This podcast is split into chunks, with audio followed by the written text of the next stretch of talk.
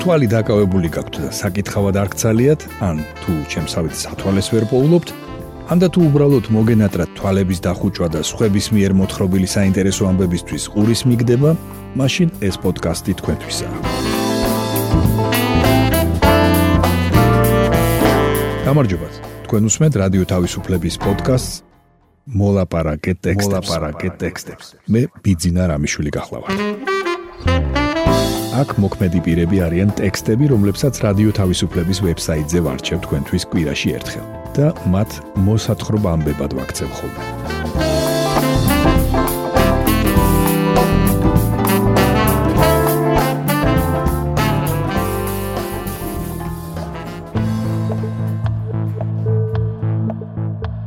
დღეს ვისაუბრებთ ნონა გაფრინდაშვილსა და Netflix შორის დავაზე. გაგაცნობთ მესენჯერებს, რომელთაც სუსი ვერ აკონტროლებს. მოგითხრობთ საერთაშორისო უთანხმოებაზე წყალქვეშა ნავების შესახებ ხელშეკრულებასთან დაკავშირებით.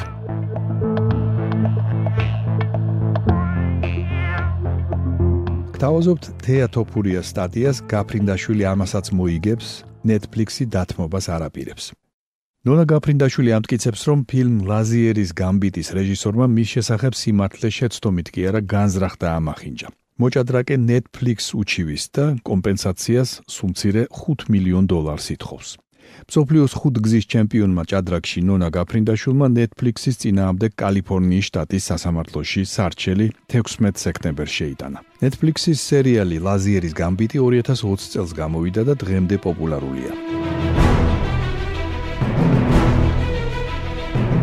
ხატრულ ფილმში მოვლენები 1950-იან წლებში ვითარდება. ნიჭიერი ამერიკელი გოგონა ჭადრაკის დიდოსტატებს ერთმანეთის მიყოლებით ამარცხებს. ფილმის ბოლო სერიაში ის ჩადის საბჭოთა კავშირში და ეთამაშება მთავარ მეტოქეს.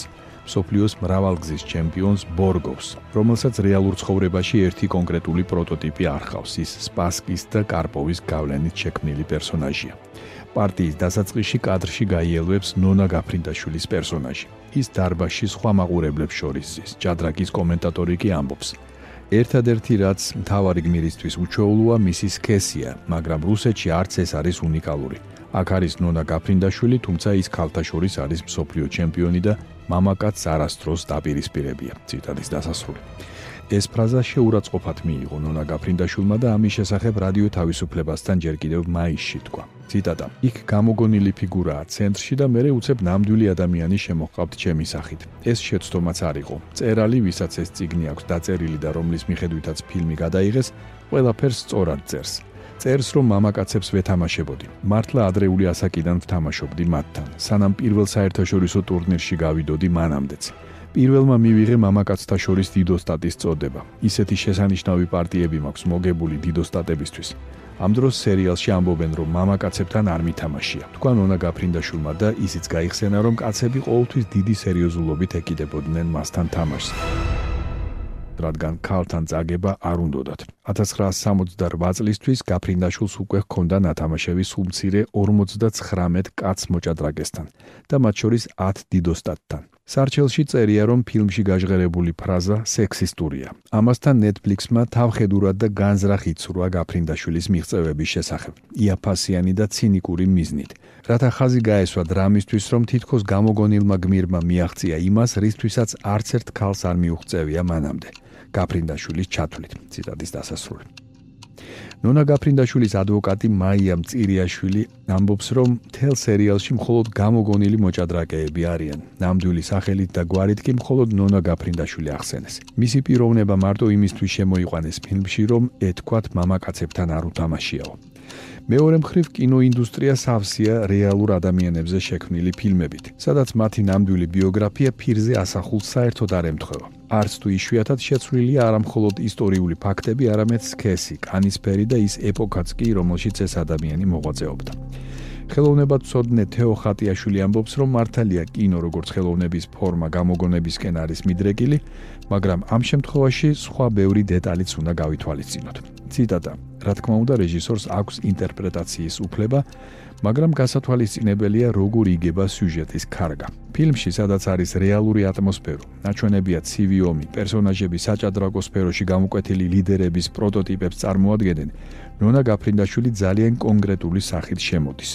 სხვა ყველაფერი თითქოს რეალობას მიხვება. ყოველ შემთხვევაში მცდარი არაა. ამ ბრძოლაში მე მას მხოლოდ გულშემატკივრო. ციტატის დასასრული. სარჩელში ასევე აღნიშნულია, რომ ნონა გაფრინდაშვილი იმითაც არის შეურაცხყოფილი, რომ სერიალში ის რუს მოჭადრაკეთ არის გამოყვანილი.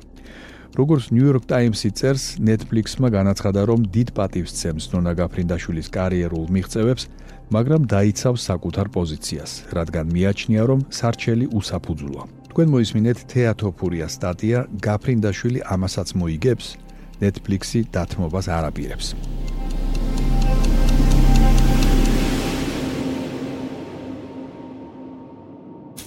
თქვენ უსმენთ პოდკასტს მოლაპარაკე ტექსტებს. ახლა მოისმინეთ სანდრო გვინდაძის სტატია. უკვე დააყენეთ სიგნალი. აი კიდევ სამი მესენჯერი, სადაც სუსი ვერ მოგისმენთ.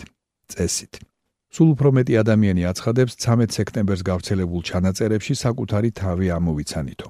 სავარაუდოდ სუსიდან გაჟონილი ფაილები ცხადყოფს, რომ ნაწილს უთვალთვალებდნენ Skype-სა და Facebook-ის Messenger-ში. იმისთვის, რომ წაიკითხოს თქვენი მიმოწერა, სუსმა ან ნებისმიერმა სხვა მოთვალთვალემ უნდა გააკონტროლოს თქვენი ინტერნეტ კავშირი, ანდაც შეაღწიოს თქვენს მოწყობილობაში. თუ კი ამ უკანასკნელზე უკვე დაყენებულია Pegasus-ი ან მსგავსი ჯაშუშური პროგრამა, რომელიც მას მთლიანად აკონტროლებს, მაშინ უსაფრთხო მესენჯერებიც კი ვერ დაგიცავთ. თუ არა და არსებობს საიმედო ალტერნატივები. ციფრული უსაფრთხოების ექსპერტები გვირჩევენ, თუ კი თავისუფლად ლაპარაკი გსურთ, ნუ გამოიყენებთ Facebook-ის Messenger-ს, Instagram-სა და Skype-ს. მიმოწერა დაშიფრული არ არის. ყველაზე დაცულია ის საკომუნიკაციო არხები, რომლებიც ინფორმაციის მიღება გაცემისას ორმხრივი დაშიფვრის end-to-end encryption ტექნოლოგიას იღენებენ. ამ ტექნოლოგიის წყალობით თქვენს შეტყობინებას წაიგითხავთ მხოლოდ თქვენ და მისი ადრესატი. დაშიფრული ელექტრონული პოსტის შემთხვევაში მოსაუბრეებმა ჯერ გასაღებები უნდა გაცვალონ. მესენჯერებში კი დაშიფრვა ავტომატურად ხდება. ამ ტექნოლოგიას დღეს არაერთი მესენჯერი იყენებს. დავაზობთ რამდენიმე მათგანს. სიგნალი ციფრულ სივრცეში გამოხატვის თავისუფლებისთვის მებრძოლის ამერიკელი მოქსი მარლინ სპაიკის მიერ შექმნილი მესენჯერი სულ უფრო პოპულარული ხდება. ყველაფერი, რასაც ამ მესენჯერში აგზავნით, ტექსტი, სურათები, ვიდეო და სტიკერები ორმხრივადაა დაშიფრული. გარდა ამისა, დაცულია აუდიო და ვიდეო ზარები. სურვილის შემთხვევაში შეგიძლიათ სპეციალური ფუნქცია ჩართოთ და შეტყობინებები გარკვეული დროის შემდეგ წაიშლება. ამასთან პარამეტრებს თუ შეცვლით, თქვენ მიერ გაგზავნილი ფოტოები და ვიდეოები პირველივე გახსნის შემდეგ გაქრება, როგორც Instagram-ში. აპლიკაცია უფასოა. იგი არ ინახავს და არ ყიდის თქვენს მონაცემებს. მისი თავდაპირველი კოდი კი საჯაროა. Messenger-ის დაყენება შეგიძლიათ როგორც Android-სა და iPhone-ზე, ისე პირად კომპიუტერებზე. Wire შვეიცარიულმა კომპანია Wire Swiss-მა აპლიკაცია 2014 წლის 3 დეკემბერს გამოუშვა. 2016 წლის მარტიდან მიმოწერაცა და ზარებიც Wire-ში ორმხრივადაა დაშიფრული. აპლიკაციის უფასო ვერსიაში შეგიძლიათ დაურეკოთ ერთდროულად 25 ადამიანს. ვიდეო კონფერენცია კი დაიტევს 12 მომხმარებელს. არსებობს ფასიანი ვერსიაც, რომელიც ორგანიზაციებზეა გათვლილი. ვაერის მტკიცებით ის არ ყიდის მომხმარებელთა მონაცემებს მესამე პირებზე. ხელმისაწვდომია ტელეფონებისა და პერსონალური კომპიუტერებისთვის. ტელეგრამი 2013 წელს იგი შექმნეს რუსული სოციალური ქსელის ვკონტაქტის შემქმნელებმა, ძმებმა ნიკალაი და პაველ დუროვებმა. 2014 წელს ზეწოლის შედეგად მათ ვკონტაქტზე ვლადიმირ პუტინთან დაახლოებულ პირებს მიხიდეს და მას შემდეგ მთელი ყურადღება მესენჯერზე გადაიტანეს. 2017 წელს Telegram-ის გუნდი დუბაიში გადავიდა. თქვენი ანგარიში უნდა მიაბათ ტელეფონის ნომერს და მართალია Telegram-ის გამოყენება პერსონალურ კომპიუტერში შეგიძლიათ, მაგრამ საამისოდ smartphone-ი დაგჭირდებათ. მიმოწერა და ფაილები თითოს მაქსიმალური მოცულობა 2 გიგაბაიტია, რომელსაც Telegram-ში აგზავნით და იღებთ ეგრეთ წოდებულ ღრუბელზე ინახება. ანუ მათზე წვდომა ნებისმიერი მოწყობილობიდან გექნებათ. Telegram-ის კიდევ ერთი ფუნქცია ეგრეთ წოდებული არხებია. 2020 წელს ბელარუსში მიმდინარე საპროტესტო აქციების დროს ლუკაშენკას რეჟიმმა ქვეყანაში ინტერნეტზე წვდომა შეზღუდა. ხელისუფლების ცენზურისგან დაცულ ინფორმაციას აქციების შესახებ მოსახლეობის დიდი ნაწილი სწორედ Telegram-ის არხებით ცვლიდა. 2020 წლის აპრილში Telegram-მა განაცხადა, რომ დღეში მას 400 მილიონზე მეტი მომხმარებელი ჰყავს. Teams-ი Microsoft-ის მიერ 2017 წელს შექმნილ პროგრამაში ასევე შეგიძლიათ ტექსტური შეტყობინებების გაგზავნა და კონკრეტულ ადამიანთან ლაპარაკი. თუმცა მისი მთავარი ფუნქცია ჯგუფური ზარების მოწყობაა. 2021 წლის აპრილში Microsoft-ის აღმასრულებელმა დირექტორმა განაცხადა, რომ აპლიკაციას დღეში 145 მილიონი ადამიანი იყენებს. და WhatsApp-ი ამ აპლიკაციაზე ციფრული უსაფრთხოების ექსპერტებს და უბრალო მომხმარებლებს ბოლო წლებში სულ უფრო მეტი კითხვა და ეჭვი უჩნდებათ. 2014 წლიდან ამ აპლიკაციას Facebook-ი ფლობს. 2020 წლის ოქტომბერში ცნობილი გახდა, რომ კორპორაცია Messenger-ის მომხმარებლების ინფორმაციაზე წვდომას მიიღებს. გარდა ამისა, WhatsApp-ი არაერთხელ გამხდარა ჰაკერული თავდასხმების სამიზნე და მასში სიზუსტეები არაერთხელ აღმოუჩენიათ. ეს იყო სანდრო გვინდაძის სტატია უკვე დააყენეთ სიგნალი აი კიდევ სამი მესენჯერი სადაც სუსი ვერ მოგისმენთ. წესით. თქვენ უსმენთ პოდკასტს მოლაპარაკე ტექსტებს. დაბულოს გთავაზობთ სტატიას სათაურით წყალქვეშა ხომალდების ხელშეკრულების საერთაშორისო უთანხმოებაში ევროკავშირმა საფრანგეთს დაუჭირა მხარი ევროკავშირის წევრი ქვეყნების საგარეო საქმეთა მინისტრებმა 20 სექტემბერს მხარდაჭერა და სოლიდარობა გამოუცხადეს საფრანგეთს შეხვედრაზე, რომელიც ნიუ-იორკში გამართა და რომელზეც განიხილეს ავსტრალიის მიერ პარიზთან წყალქვეშა ხომალდების შესახებ 40 მილიარდი დოლარის მოცულობის შეთანხმებაზე უარის თქმა. საფრანგეთი აცხადებს, რომ ყველა შესაძლებლობას განიხილავს პასუხის გასაცემად. ავსტრალიამ გასულ კვირაში დიზელსა და ელექტროენერგიაზე მომუშავე ფრანგული წარმოების წყალქვეშა ნავების შესყიდვას შეერთებულ შტატებსა და ბრიტანეთთან ბირთვული წყალქვეშა ნავების შესახებ ხელშეკრულების გაფორმება ამჯობინა. ევროპის კომისიამ ავსტრალიის ამ ნაბიჯს მიუღებელი უწოდა. გერმანიამ კითხვა რომ ეს არის გამოსაფხიზლებელი სიგნალი ევროპისთვის, საიმისოდ რომ მან დამოუკიდებლად მოქმედების შესაძლებლობები გააფართოვოს. გერმანიის და ევროკავშირის ოფიციალური პირების მხრიდან სოლიდარობის გამოვლენას მიესალმა პარიზი, რომელმაც განაცხადა, რომ ვაშინგტონთან დობის შემცირებამ ევროპისთვის გააძლიერა არგუმენტები, რომ მისდიოს საკუთარ სტრატეგიულ კურსს. ევროკომისიის პრეზიდენტმა ურზულა ფონ დერ ლაიენმა ავსტრალიის ნაბიჯს მიუღებელი უწოდა. მისი თქმით, ევროკავშირის წევრ სახელმწიფოს მოექცნენ მიუღებლად და ჩვენ უნდა ვიცოდეთ რა მოხდა და რატომ. ციტატის დასასრული.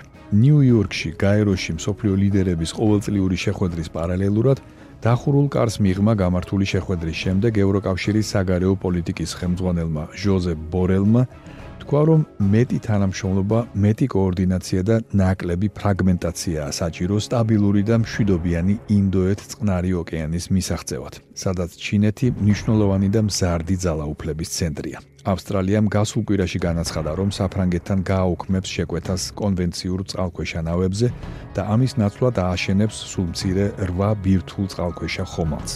შეერთებული შტატების და ბრიტანეთის ტექნოლოგიის გამოყენებით. მას შემდეგ რაც ამ სამმა ქვეყანამ უსაფრთხოების სფეროში გააფორმა აუკუსის სახელით ცნობილი ხელშეკრულება. ამ განცხადებამ, რა თქმა უნდა, გაგვაოცა თქვა ბორელმა. ავსტრალიის გადაწყვეტილებამ ძაფრი გულისწყრომა გამოიწვია საფრანგეთის ხელისუფლებაში. ჩვენ მოკავშირეები ვართ, ერთმანეთში ვლაპარაკობთ და არ ვმალავთ კომპლექსურ განსხვავებულ სტრატეგიებს. ამიტომაც დადგა ახლა ნდობის კრიზისი. თქვა საფრანგეთის საგარეო საქმეთა მინისტრმა ჟან ივ ლედრიანმა და დასძინა ამას ახსნაგან მარტება სჭირდება რაც შესაძლოა დროში გახანგრძლივდეს ციტატის დასასრული შეერთებული შტატები ცდილობს დააშოშმინოს ნატოელი მოკავშირე სახელმწიფო და იქ აღძრული ბრაზი შეერთებული შტატები ბრიტანეთი და ავსტრალია აცხადებენ რომ მათი ხელშეკრულება აძლიერებს მათ ჩართულობას ინდოეთ წყნარი ოკეანის რეგიონში და ხაზგასმით იმეორებენ, რომ დიპლომატიური კრიზისი არ შეეხება საფრანგეთთან გრძელვადიან ურთიერთობას. ეს გახლდათ სტატია სათაურით წყალქვეშა ხომალდების ხელშეკრულების საერთაშორისო უთანხმოებაში ევროკავშირმა საფრანგეთს დაუჭირა მხარი.